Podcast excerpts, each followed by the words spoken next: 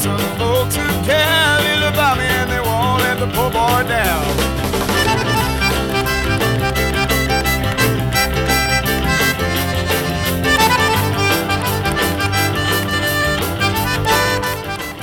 Bueno, lagunok, hemen gaude. Soinu gela honetan ostegunero egiten dugu zuzenean eta gero bakizue podcast eh, formatuan ba geratzen da gure webgunean zuek entzuteko nahi duzun eh, dozin momentutan. Beti azten gara gure programa urrezko kantu batea, Espainia aste honetan e, bikoiztu egin du kontu hori eta bi urrezko kantu egongo dire. Hori bai, aman komune dute zeo zer, nola baite zaugarri erotikoa dagoena bi kantu hauetan. Horrek esan nahi dau, e, zera kantu hauek, entzungo ditugu e, biek, arazoak izan zituzten, bata estatu batuetan, bestea Europan gehien bat, irratian e, entzuteko, agertu zirenian. Bueno, lehenengokoa ego Karolinako soul kantaria hundia, baina ez hain ezaguna, Ameriketatik e, kanpo, e, dugu abeslaria, Marvin Seas. Marvin Seasek, mila bedatzen eta larogeita zeian, grabatu zuen Kandiliker. Gozoki miazkatzaile edo, izango ditzateke itxulpena, gozoki miazkatzailea. Kandiliker bihurtu zen e, esan dugun moduan e, kantu tabua guztiz Ameriketako irratietan, baina oso entxunda izin zen eta Chitlin zirkuit e, horretan e, herri txikietan, estatu batuetako egoaldeko e, herrietan eta batak, batez ere e, publiko baltzarentzat e, Marvin Seeds e, izan da, gaur e, arte e, referentzia garrantzitsu bat. Bueno, entzungo dugu kantu hau, laro eta zeian, esan dudan moduan, pasaden mendean, Marvin Zizek grabatu zuen Candy Lika.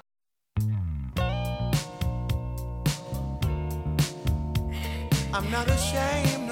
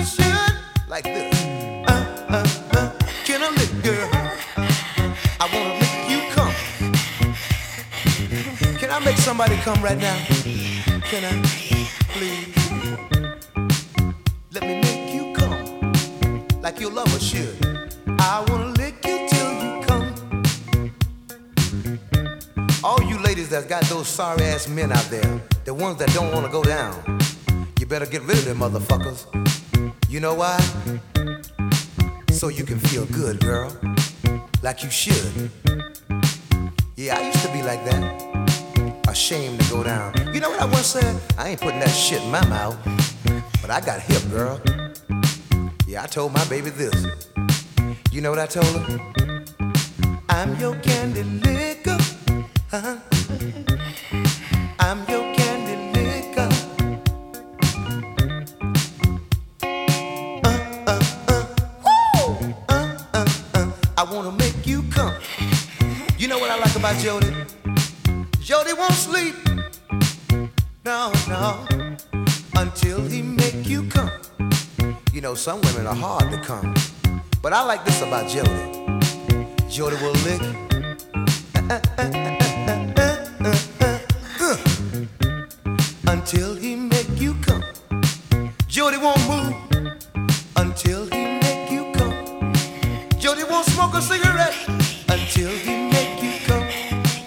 See, another thing I like about Jody, Jody don't get tired. No. Until he make you come. Can I make you come, baby? Yeah, you come over here. Come here. You look like you ain't come in a long time. Let me make you come. You know what I want everybody to say? Everybody say, uh, uh,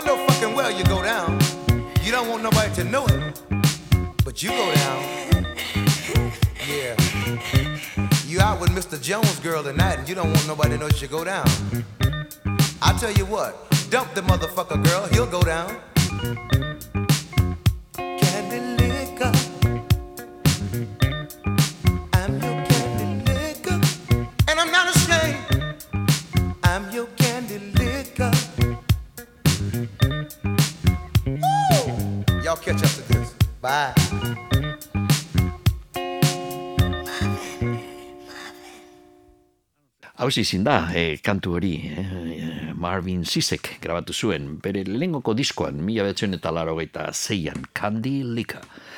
Bueno, eta bigarren urrezko kantua, gaurkoa, hause ez da lehenengo aldiz jartzen e, duguna programa honetan, soinu gelo honetan, baina pentsatu gendun, e, kandilikeren txunda, hause be, badu aman komuna, kontu erotiko hori, eta horrezegati jeten monople berriro ekarri du. Serge e, Gainsbrook eta Jane Birkinek grabatu zuten mila bedatzen eta irurogeita bedatzen, hau, horatzen naiz esate baterako, kantu hau egon zan e, Espainian nola bait, e, guztiz debekatuta, ez bakarrik irratietan jaltzea, bai, eta disko bera e, e, ez, ezin zan e, saldu, eta gogoratzen naiz gainera, ba, garai hartan zegoen, Espainian e, aldizkari bat, musikari buruzko mundo joven izeneko aldizkari bat, e, nago ziur, baina agian e, iruñan e, argitaratzen zen. Eta horretzen naiz, e, nunbait izango dut gordeta artikulu hori, e, kantu honen kontrako, e, zera, olako moralaren zantzaile batek oso aserretuta kantuarekin, joten monanple kantu honekin. Eta, bueno, horretaz aparte, hainbeste lekuetan be, Europan egon zan mm, debekatuta ez salmenta, diskoaren salmenta, baina bai irratietan kantu jartzea ba, kantu ederra, benetan, Serge Gainsborough izan zen Frantzian e, kantu egilerik eta onenetarikoa, ba, iru amarkadetan, eta Jane Birkinek, mm, Jane Birkin bere, mm, bere andrazan, bueno, lengoko bersioa Brigitte Bartotekin egin zuen, baina beranduago, iruro eta bederatzean, agertu zen bigarren bertzioa, e, kantu egiaren, kantu egia berak e, Serge Gainsborough egin zuen bigarren grabazioa Jane Birkinekin.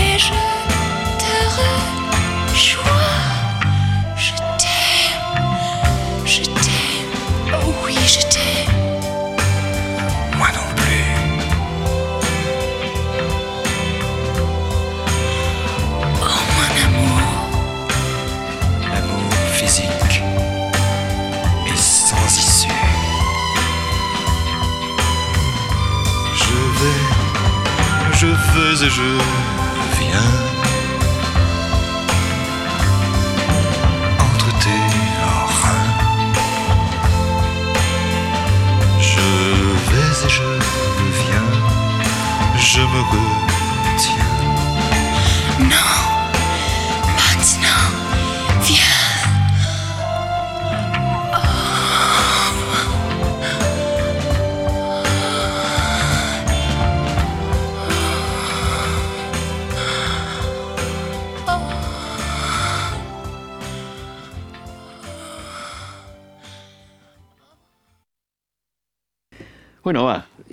urrezko kantuak e, bi izan ditugu, Kandiliker eta Jetem Mononple. Bueno, jarraituko dugu Areta Franklinekin, eh? ez da grabazio berria jakine, Areta Franklin orain bestakit e, urte pare bat edo, pasaden urtean izin zan, e, hil zen, eta, bueno, aurten, berrogeita bederatzi urte, ba, orain be, e, berrogeita bederatzi urte grabatuta eta filmatuta kontua azkenean estrenatu da. E, hause, mila bederatzen eta irurogeita amabian, e, Los Angeleseko Eli, e, Elisa Baptista batean, e, kontzertu, mm, egon berean bi kontzertu egin ziren, arratsaldez eta gero gabaz, eta azkenean e, filma estrenatu da, Amazing Grace, e, disko gara hartan e, zuen izena, hau da, kantu famatu bat gospel inguru honetan, Amazing Grace, eta pelikula izen bera du. Sidney Pollack, eh, garai hartan zuzendari handia zanak filmatu egin zuen e, kontzertu hori, kontua da, ba, mm, e, arazo tekniko bat, e, klaketarik ez zuten erabili e, zehazki eta beraz deskompensazio bat zegoen e, zera mm, audio eta bideoren artean, eta azkenean ba, geratu zen e, artxibatuta e, filmazio egin zan, montaje ez dut uste inoiz bukatu zenik, eta mm, beste aldetik e, beranduago egon ziren zaiakerak e, pelikula hori estrenatzeko, ze azken finean disko hau Amazing Grace, naiz eta gospel eta ez soul esparruko e, grabazioa izan, Areta Franklinen bidian salduena, eh? LP bikoitza zan eta salduena hause da Amazing Grace. Baina Areta Franklinek zuen gure hau e, kaleratzea, e, pelikula, esan nahi dut, diskoa kaleratu zen, baina pelikula ez zuen gure berak. Eta, eta hil, hil zen arte, e, ez zuten e, zera, e, produktorek lortu baimenik e, areta Franklinena, eta bueno, kontua izu ziren, hiltzen zara eta gero ba, zenideak bizirik geratzen direzenak edo zin gauza egiten, egiten dute zure gauzekaz, e, zu, ba, ez zaoz, eta e, John Lennon e, hil ostean joko onok saldu, saldu zuen bere kantu batzuk. Imagine esate baterako uste dute e, Volkswagen markako anunzio bat egiteko, bueno, horrelako astokaiak egiten dire. Hau ez da hain larrien ustez, baina bueno, kontua da, areta Franklinek ez zuen gure, berak esaten zauen, e, gospel grabazio izanik ez zuen gure e, espektakulo hori, naiz eta filmatuta izan, estrenatzea eta e, zinemetan, edo, bueno, gaur egun telebistan edo dandanen e, ikustea izatea.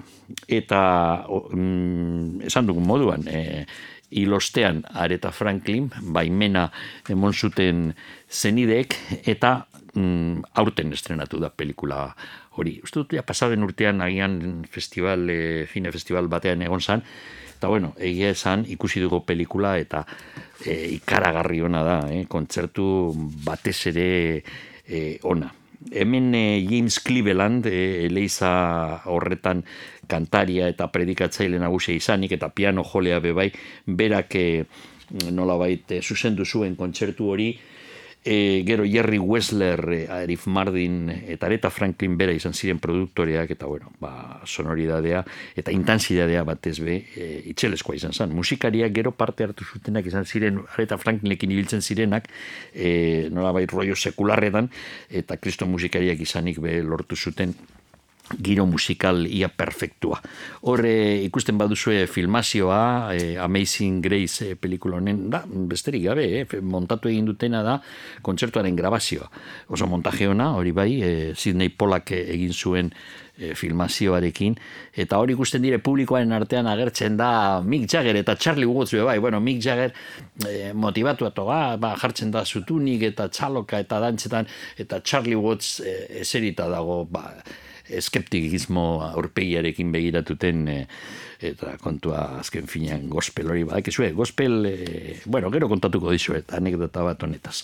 Momentu entzungo dugu, bi kantu entzungo ditu guztiz e, kontzertu honetan e, egin zirenak, e, amalau kantu agertu ziren e, diskoetan eta gero mm, pelikulan berdin.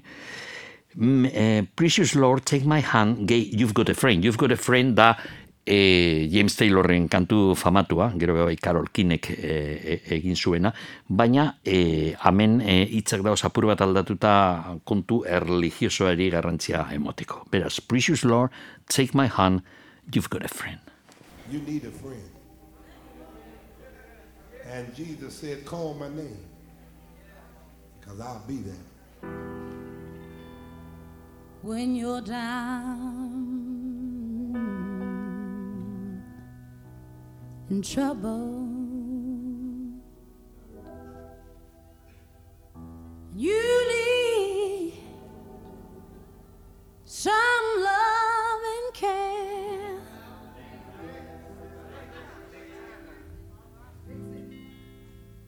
Ain't nothing,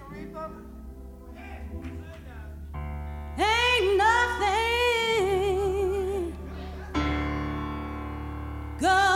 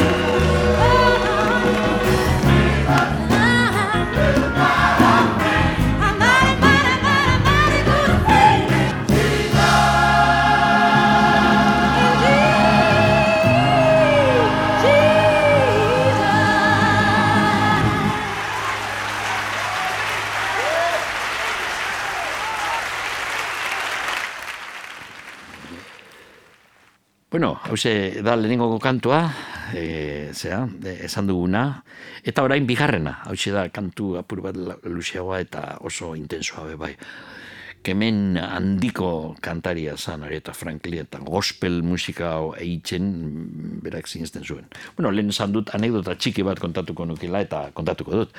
E, oain urte batzuk, bueno, pasatu daia denbora, eh, hogei urte edo, hasi, hasi ziren batez be eh, abenduan, gabonetan edo, e, gospel eh, kontzertu asko estatu batuetatik etortzen ziren Europara gospel kantariak eta abez batzak eta bar, eta hemen Euskal Herrian hasi ziren, jarri ziren modan, eh? Hasierako, osea, barakaldo izan zen lehengo eta lehengotarikoa, festival txiki bat bi edo hiru egunetakoa gospel kantariekin eta bezbatzekin, eta gero zabaldu zen, eh? Donostin, Bilbo, honen beste lekuetan, eta ondino jarretzen dago, ezta?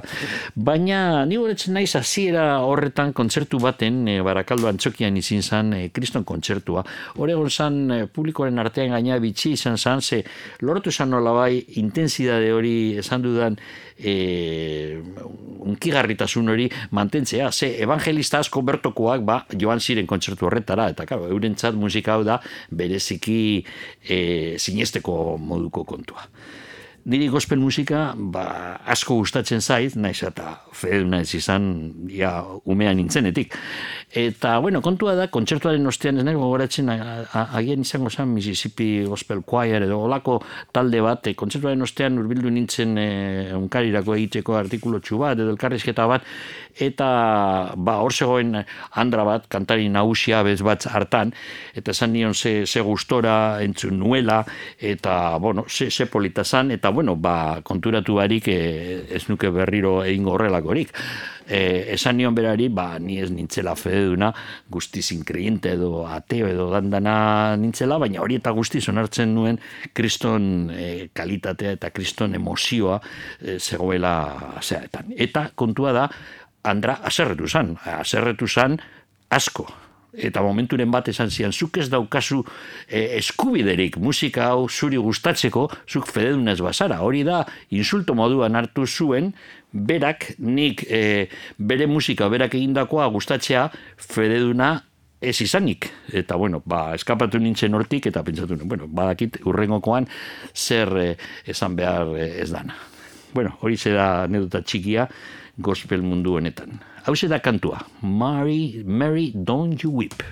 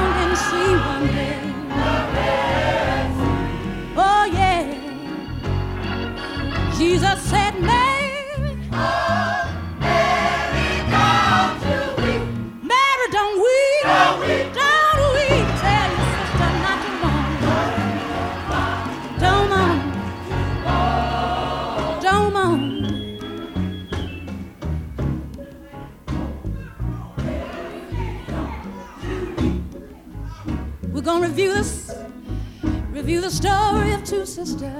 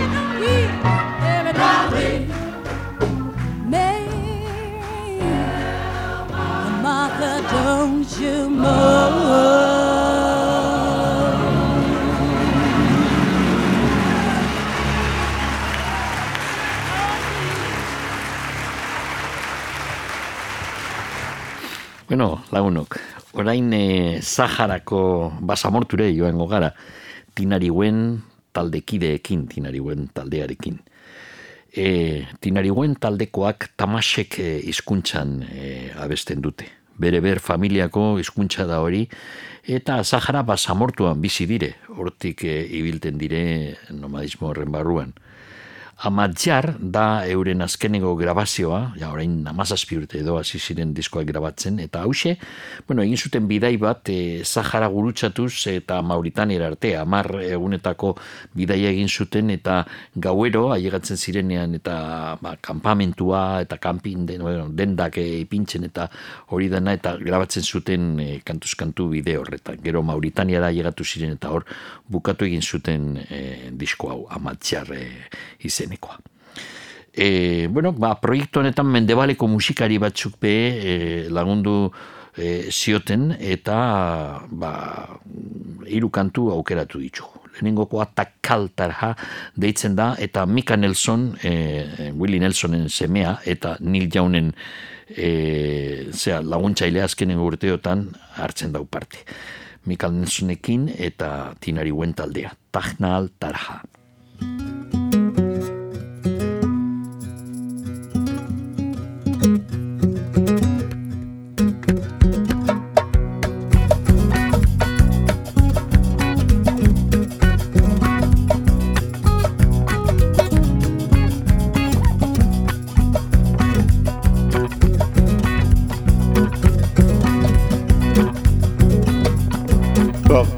النهار هنا. استقلت ويك تاكسو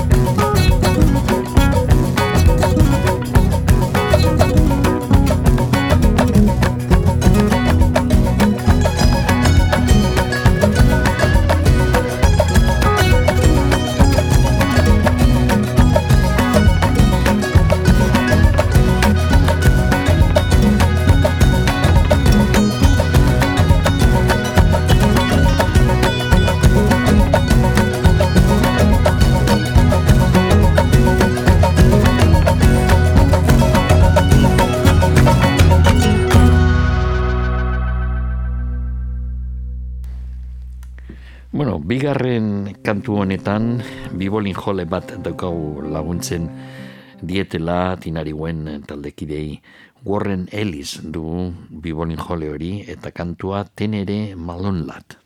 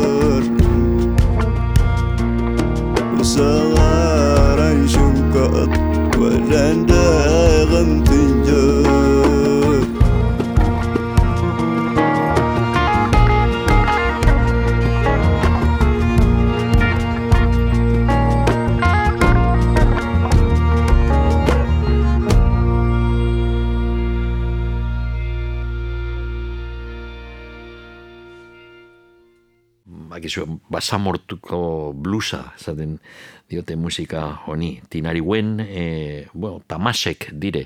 Tuareg nik uste dute da ka- kanpotik, frantsesek ipinetako izena, eurek tamasek tarrak dire, tamasek hizkuntzadunak.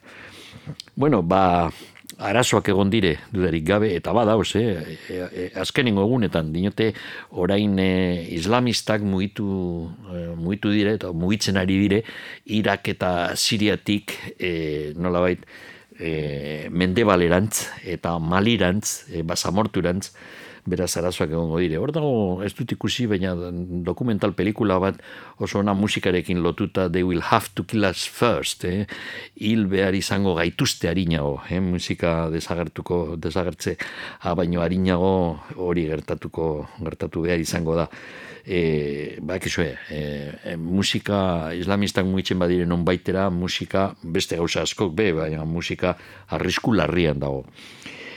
Ama louna, urrengoko kantua, entzungo duguna, eta hemen e, laguntzaileak dire alde batetik Mauritaniako kantaria handi bat, andra bat, Noura Zeimali, eta bestetik Stephen O'Malley, e, Inglaterrako musikaria. Biok dire laguntzaileak kantu honetan, ama louna.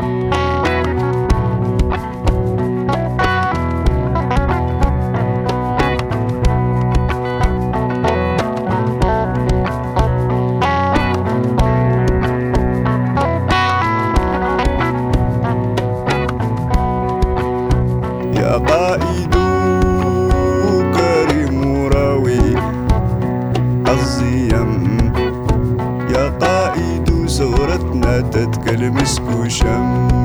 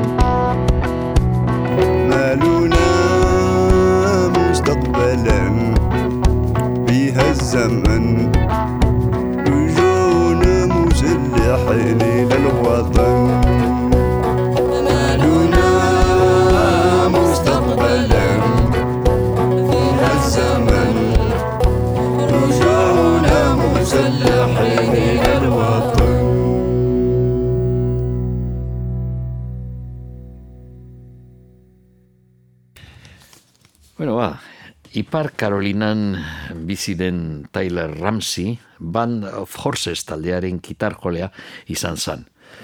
E, berak badu Gran Parsons eta Neil Jaunekin nolabait e, aman komuna zeo zer konparatua izan da eurekaz. Eta hemen daukagu euren e, ez bere laugarren lana, eh? Band of Horses taldea itzi zuen eta gero bakarlali moduen hause New Morning izeneko eta hemen e, for the, parkatu, For the Morning izeneko e, disko berri hau e, da bere laugarren grabazioa e, Amerikana esparruko kantaria dugu, artista handi bat nire ustez e, Tyler Ramsey. Hiru kantu entzungo ditugu. Lehenengoko hau da agien nik gustokoena izan dudana disko honetan, A Dream of Home, e, etxe, e, etxeari buruz e, amestuz edo etxea amestuz. E, berak dino Band of Horses taldean zegoenean e, egun baten Nashvilleen e, izan zuen emanaldi bat eta gero hotelera bueltatu zen eta kantu hau idatzi zauen e, norabait berak zuen ia e, edozi musikariren e, gogoa no? ba, zera entxuleria handi baten aurrean egitea hori horrek e, ia benetan merezi zuen ala ez hau da A Dream of Home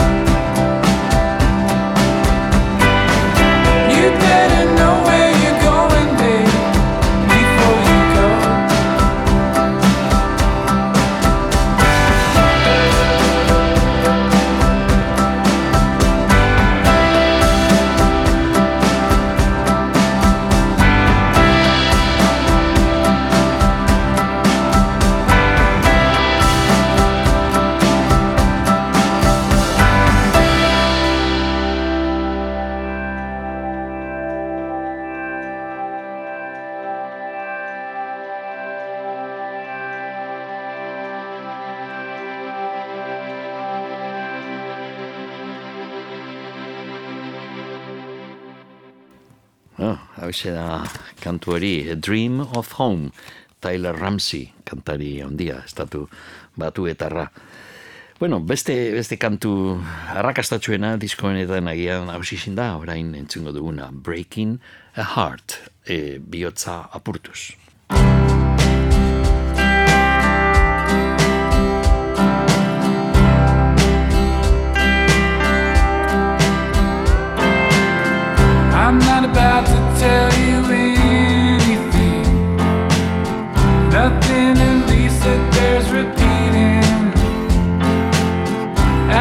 first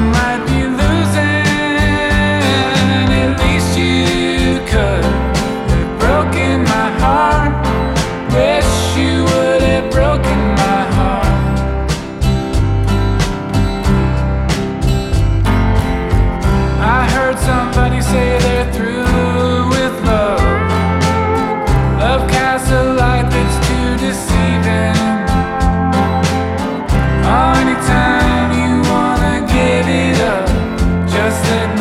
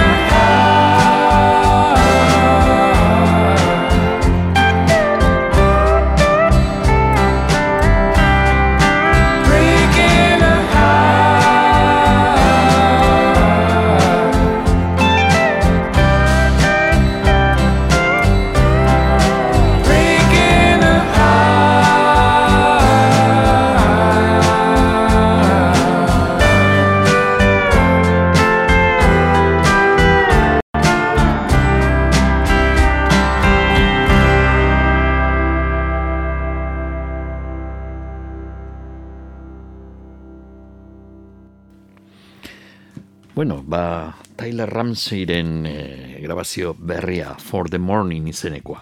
Hirugarren kantu bat entzungo dugu. Hau da Your Whole Life, zure bizimodu osoa.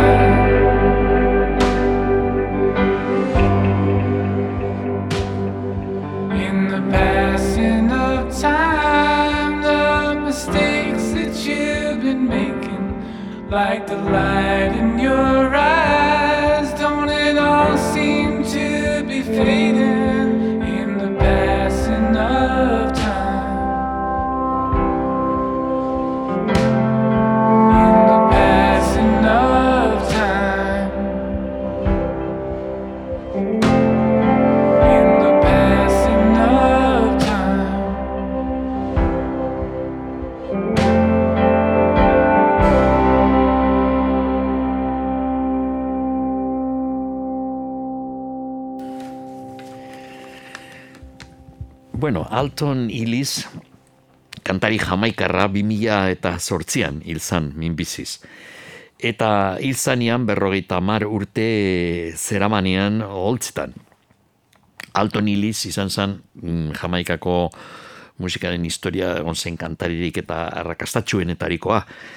E, udazken honetan, Dr. Bird disketzeak CD mm, bikoitza e, kaleratu du. Mm, Duke Raid e, Treasure Island disketzerako irurogeita irurogei eta irurogeita marrekoa markadetan egin zituen grabazio guztiek. Hemen, guztire zera mm, berrogeita bederatzi kantu dauz, kantu ederrak benetan. Eta batzuk entzungo ditugu gaurko soinu honetan. Hasiko gara Breaking Up kantuarekin.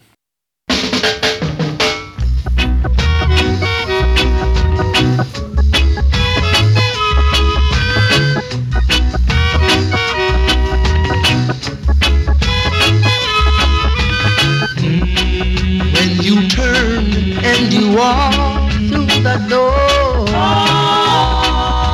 it hurts me so.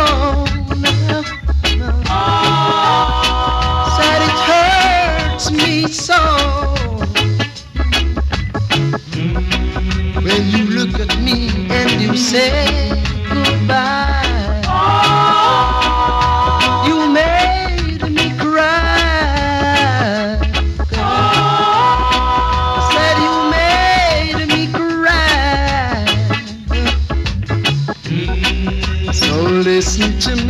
while I say to you, breaking up is hard to do.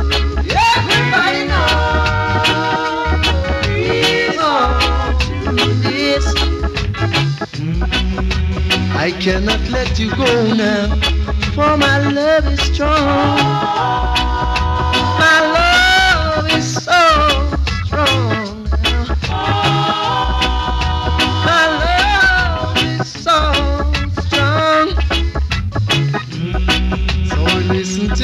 while I say to you, making love is hard to do.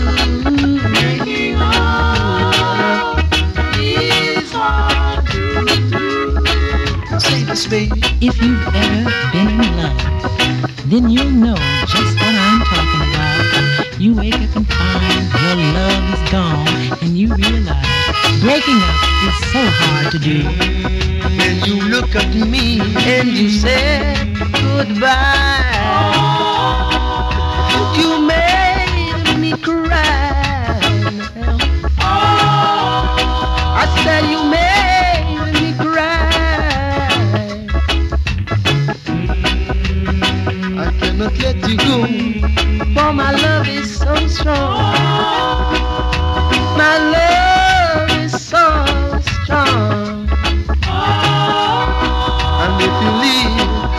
Will surely die.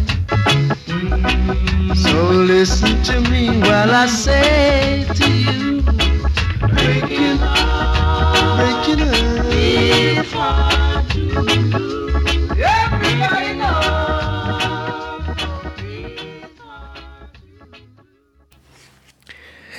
Urrengoko kantua, La La Means I Love You, izin zen estatu batuetako soul esparruan kantua rakastatxua, eta Alton Elisek egin zuen, orain entzungo dugun berzioa.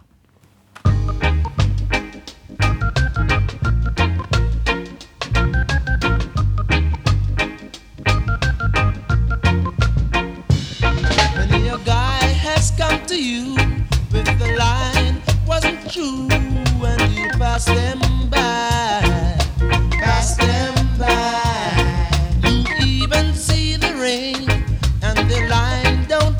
nothing wide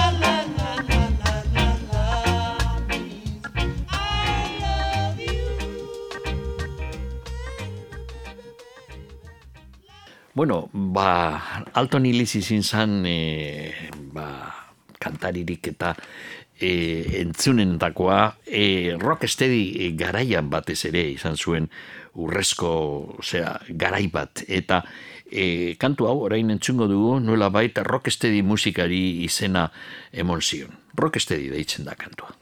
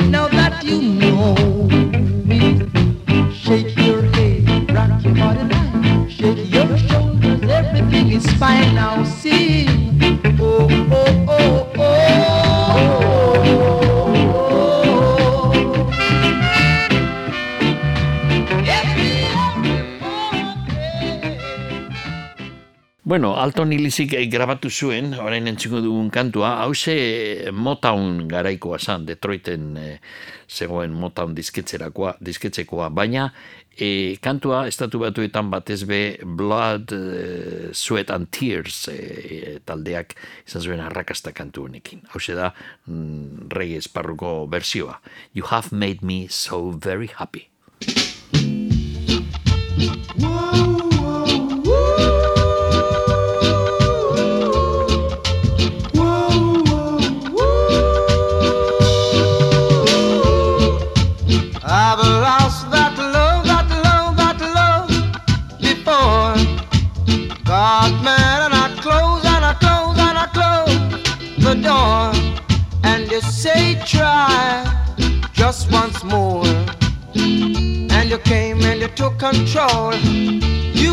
touch my very soul. You always show me that loving you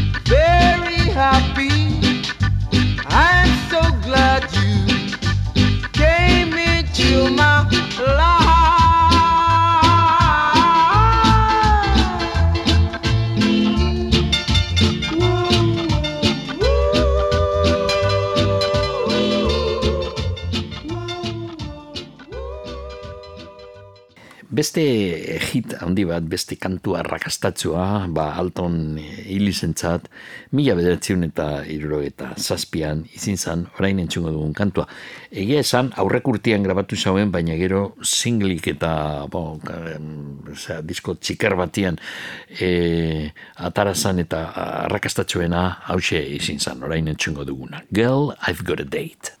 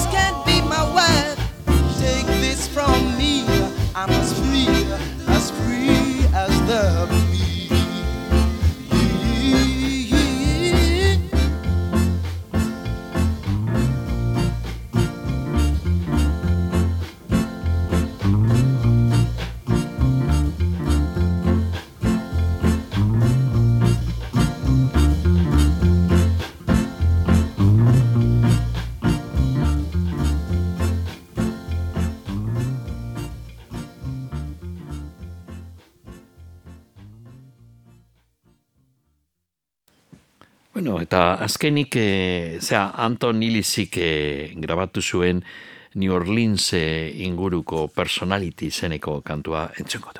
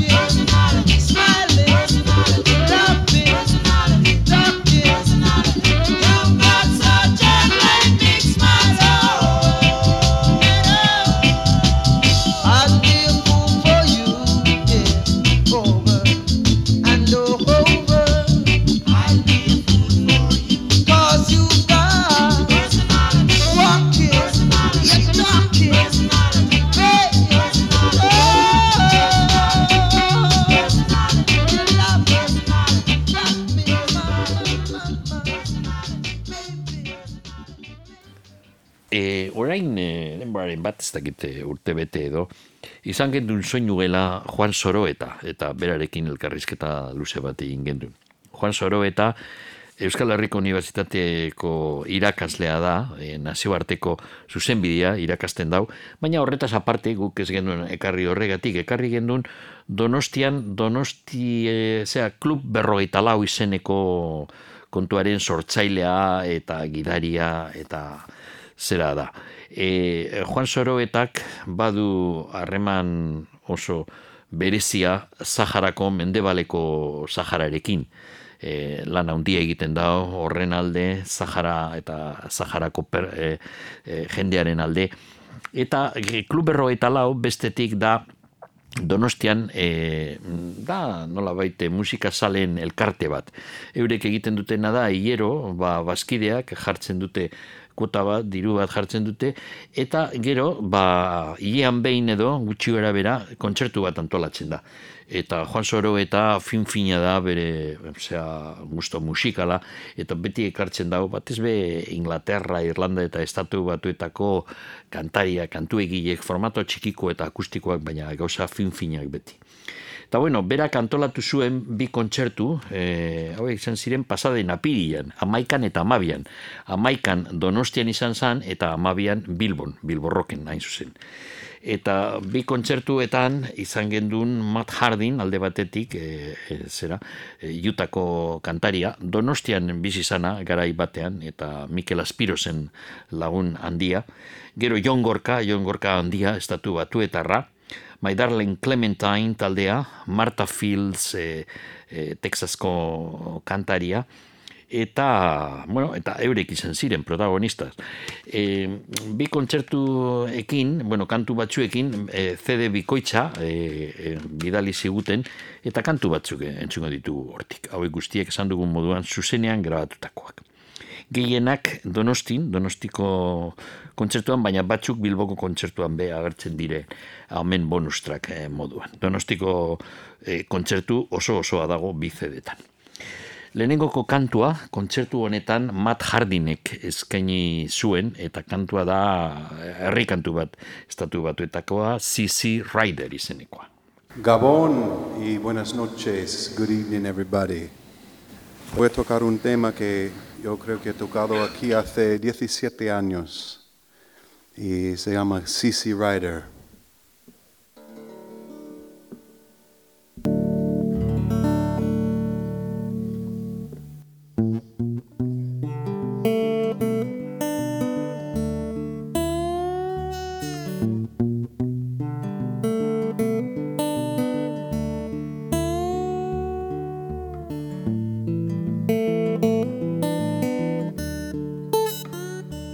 Well, what you have done. You have made me love you.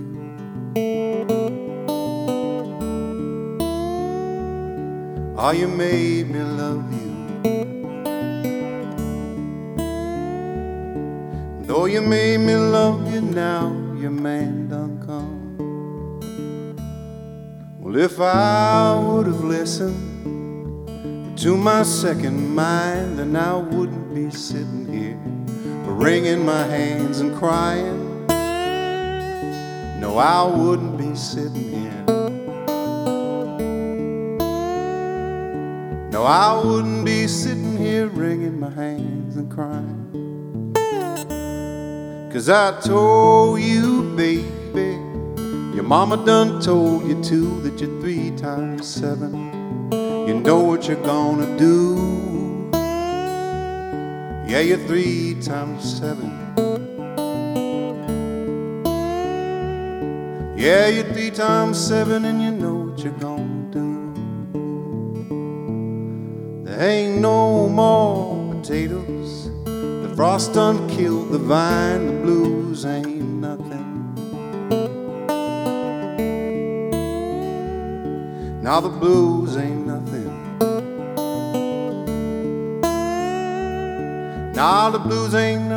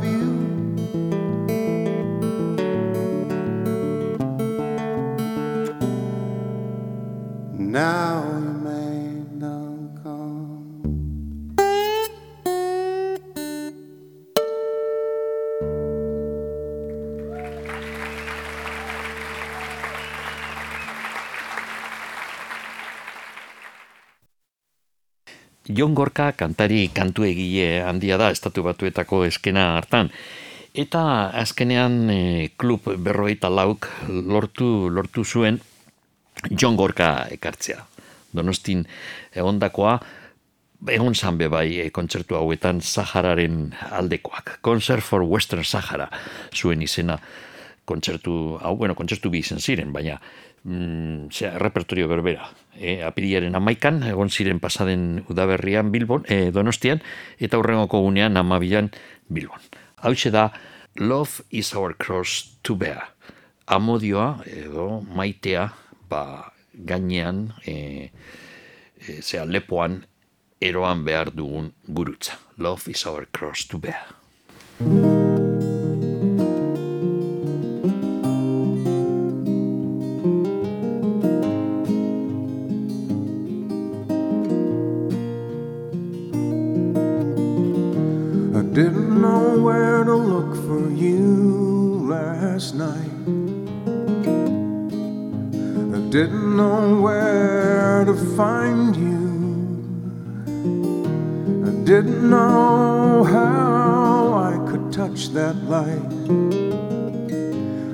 That's always gathering behind you. I didn't know that I would find a way to find you in the morning. But love can pull you out of yesterday as it takes you without warning. I wanna be a long time friend to you. I wanna be a long time known. Not one of your memories used to be. A summer's fading song. It's from me, it's to you for your eyes. It's a way, a wonder that is wise. I am here, you are there, and love is our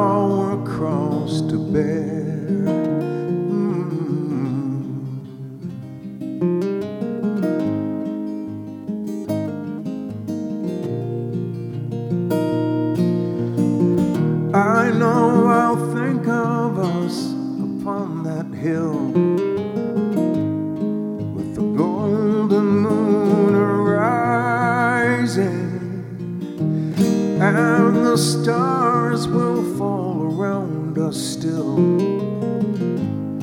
while the love is realizing.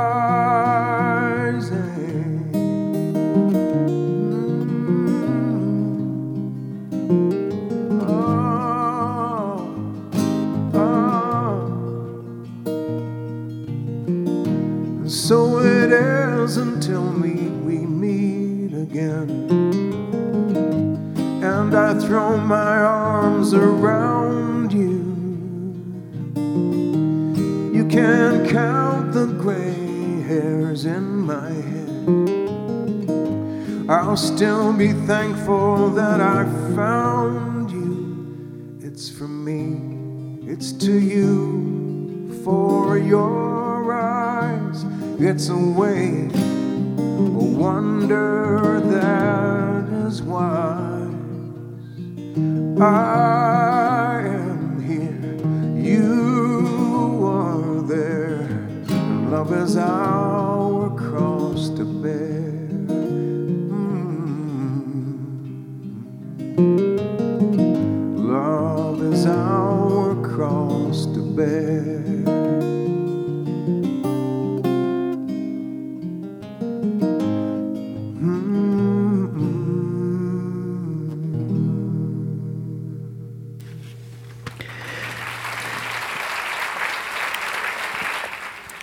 Texasko Martha Fields eh, egon zan bebai kontzertu hauetan. Eta, ba, itzizigun kantu bat entzungo dugu, basamort, eh, basamortuko lorea, Desert Flower.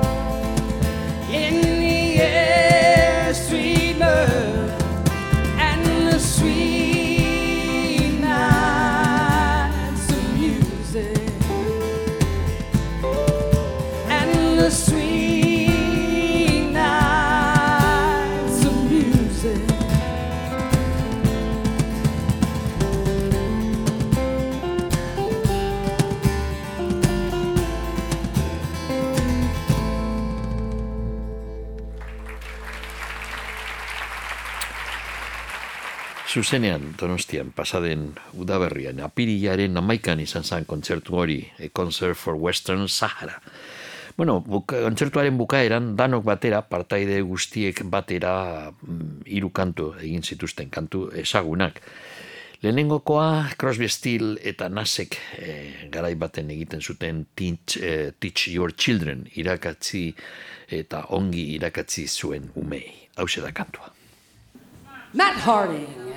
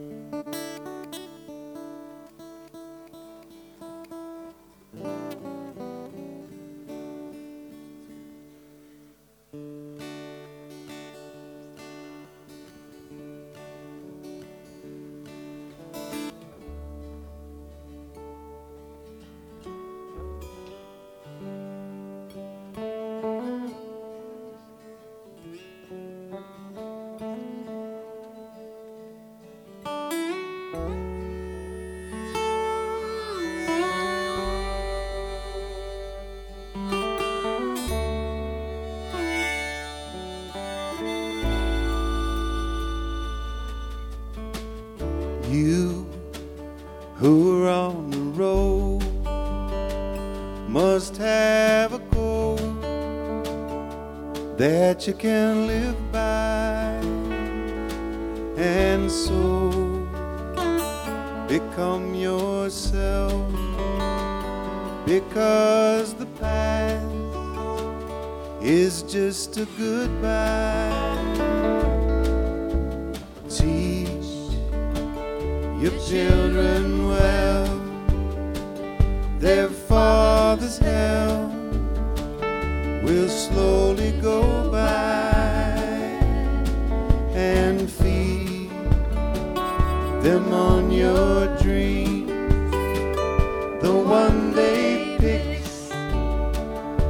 One you know by. Don't you ever ask them why. If they told you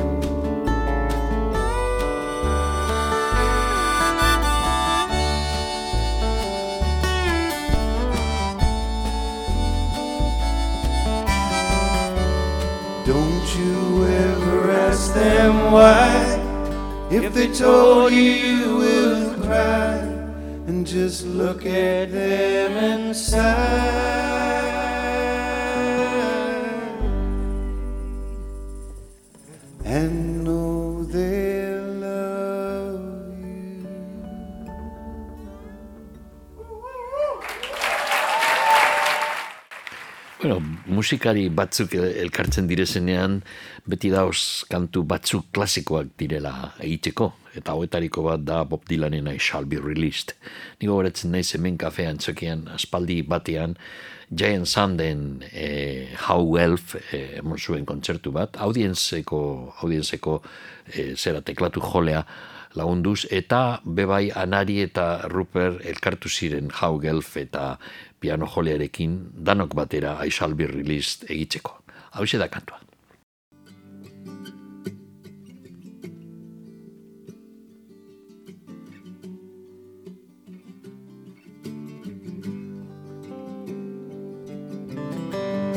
They say everything can be replaced.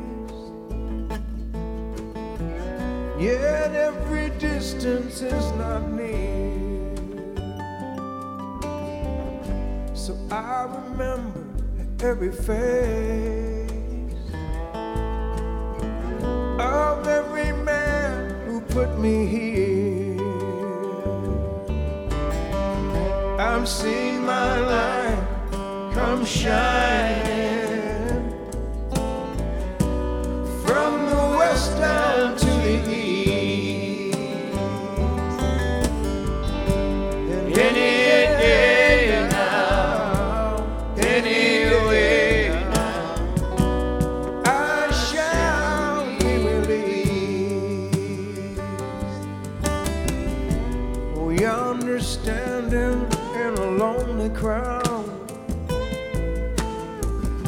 is a man who swears he's not to blame.